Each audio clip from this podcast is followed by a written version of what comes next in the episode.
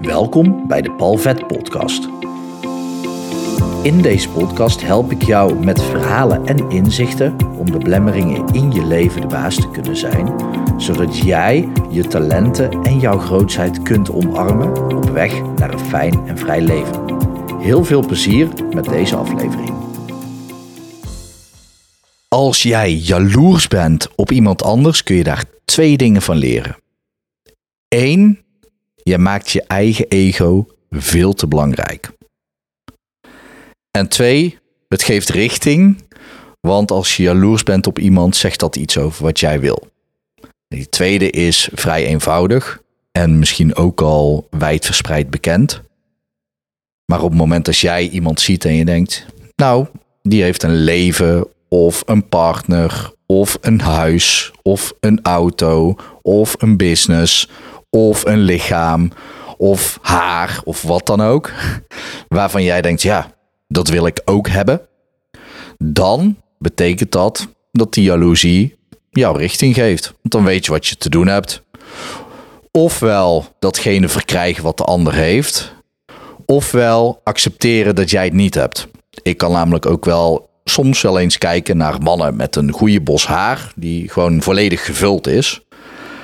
Ja, dan kan ik moeite gaan doen om haarimplantaten te halen en ervoor te zorgen dat ik dat misschien ook krijg. Ik geloof meer in pure natuur. Ik zeg niet dat dat zwart-wit zo is. Het is altijd een glijdende schaal. Maar dan denk ik, oké, dan kan ik me er beter bij neerleggen dat ik hier in hammen heb. En achterop heb ik een ja, vrij nette, kale plek, om het zo maar te zeggen.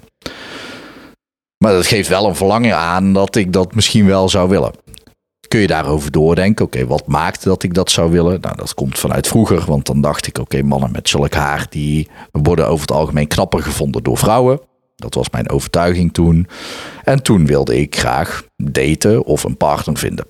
Ik ga daar niet te diep op in, want daar kun je dan weer verder op doordenken. Maar daar gaat het vooral in deze podcast en video niet over. Waar ik het met name over wil hebben, is op het moment dat jij jaloers bent op de ander, en dan misschien wel over minder fundamentele dingen als een auto of haar. Maar dan maak je het ego van de ander veel te belangrijk. En daarmee je eigen ego ook veel te belangrijk. Want op het moment dat jij beseft dat wij allemaal scheppende wezens zijn, dat wij creërende wezens zijn, vanuit een oneindige potentie, dan kun je eigenlijk ook wel begrijpen dat die persoon zelf eigenlijk niet degene is die schept, die dingen creëert, die dingen manifesteert. Manifesteren, direct bewijs van zien in de werkelijkheid, in dat wat jij als werkelijkheid aanschouwt. Dat wat jij als werkelijkheid bestempelt, labelt is het eigenlijk. Maar dan kom je dus achter dat die persoon niet degene is die schept, maar meer dat er door die persoon heen wordt geschapen.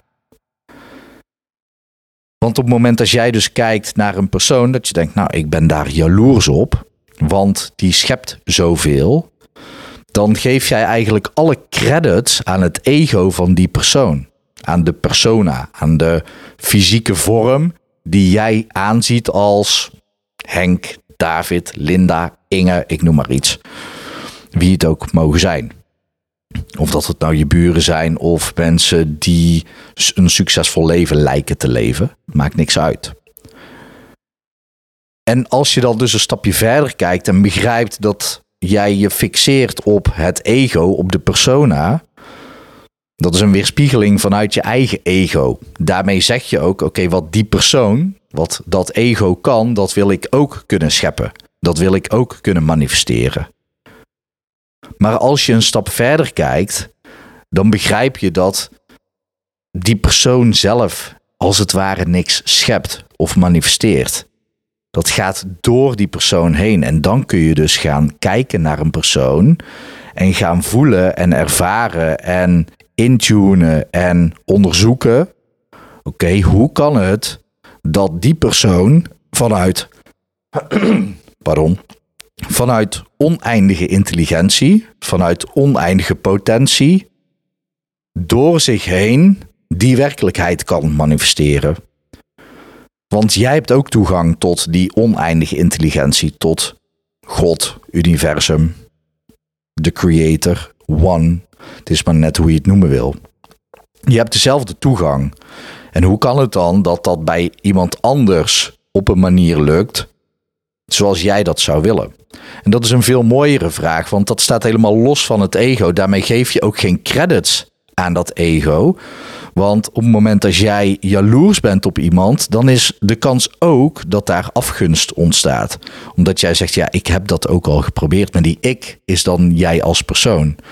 Dus op het moment dat jij gaat kijken naar een persoon, hey, die persoon, daardoorheen wordt die werkelijkheid geschapen. Hoe kan ik ervoor zorgen dat diezelfde werkelijkheid, of eigenlijk de werkelijkheid die jij verlangt, want die is altijd net even wat anders dan die werkelijkheid van die persoon, want anders zou je die persoon worden. Het slaat nergens op. Jij wil, neem ik aan, uniek en authentiek zijn. En dan kun je dus gaan onderzoeken, oké, hoe kan ik door mij heen die werkelijkheid manifest laten worden? Hoe kan ik er direct bewijs van gaan zien in mijn werkelijkheid? En dan ga je dus ook automatisch voorbij aan je eigen ego. En dan maak je de persoon zelf ook minder groot, minder belangrijk. En gaat het helemaal niet meer om die persoon, om die Inge Henk. Mm, ik weet niet eens meer wie ik allemaal opnoemde. Linda, David, Roel, Fleur.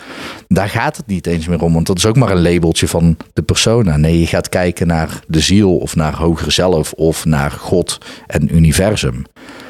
En als je daarnaar kijkt, door die persoon ook heen, want dat is wat jij dan gaat doen. Dan kijk je naar bijvoorbeeld Fleur en dan zie je niet Fleur, maar dan zie je de werkelijkheid die Fleur aan het creëren is vanuit het hogere, vanuit God. Ik gebruik zelf meestal God, dat werkt het fijnste. Vanuit God wordt dat door Fleur heen gecreëerd. En als jij dan naar Fleur kijkt, dan zie jij in Fleur het goddelijke.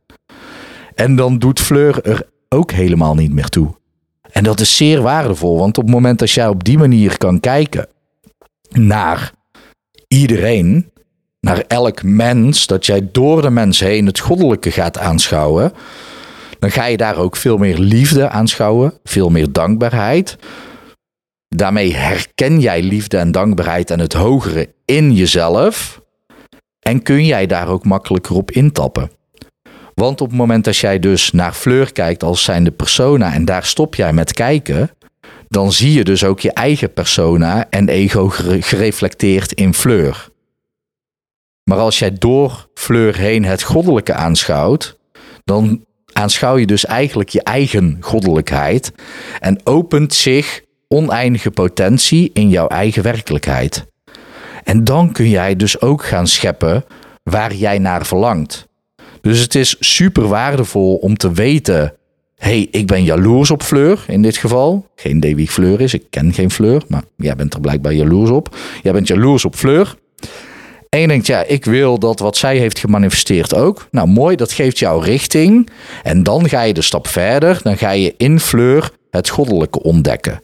En als jij dat gaat doen, dan ga je dus ook het goddelijke in jou ontdekken. En dan zelfs het goddelijke wat bij Fleur datgene heeft gemanifesteerd. Dus herken jij ook het goddelijke wat dat in jou of door jou heen ook kan manifesteren. En zo werkt manifestatie uiteindelijk. Je ego gaat aan de kant. Jij gaat niet denken of zeggen: hey, ik heb dit gecreëerd. Ik, wie die ik dan ook is, hè, dat, dat noem jij dan vanuit jezelf, je ego waarschijnlijk, je persona. Ik heb dit gemaakt. Nee, door mij heen is dit geschapen. En door mij heen kan er dus oneindige potentie stromen om dingen te schapen. En dat werkt dus het beste om het bij anderen eerst te oefenen. Natuurlijk is het makkelijk om te zeggen: Oké, ik schuif mijn eigen ego aan de kant en ik ga verbinden met het hogere. Daar heb je vaak een meditatieve staat voor nodig om dat makkelijk te kunnen. En als je dat vaak doet, ga je dat steeds makkelijker ook kunnen wanneer je in niet-meditatieve staat zit. Maar op het moment dat je het bij andere mensen gaat herkennen, en vooral de mensen die hebben geschapen wat jij ook wil schapen, een soort gelijk iets, dan herken jij meteen het goddelijke in jezelf. Want de buitenwereld is een reflectie van jouw binnenwereld. Dus ga daarmee aan de slag. En ik ben heel erg benieuwd wat dit voor jou doet. En hoe jij de wereld gaat ervaren op het moment als jij dit een aantal weken maanden, misschien jaren aan het doen bent, wat er dan allemaal voor mogelijkheden op je pad zijn gekomen. Ik hoop natuurlijk dat het goed met je gaat. Ik hoop dat het goed gaat met dierbaren van je. En ik wens je natuurlijk ook nog een hele mooie dag toe. Houdoe!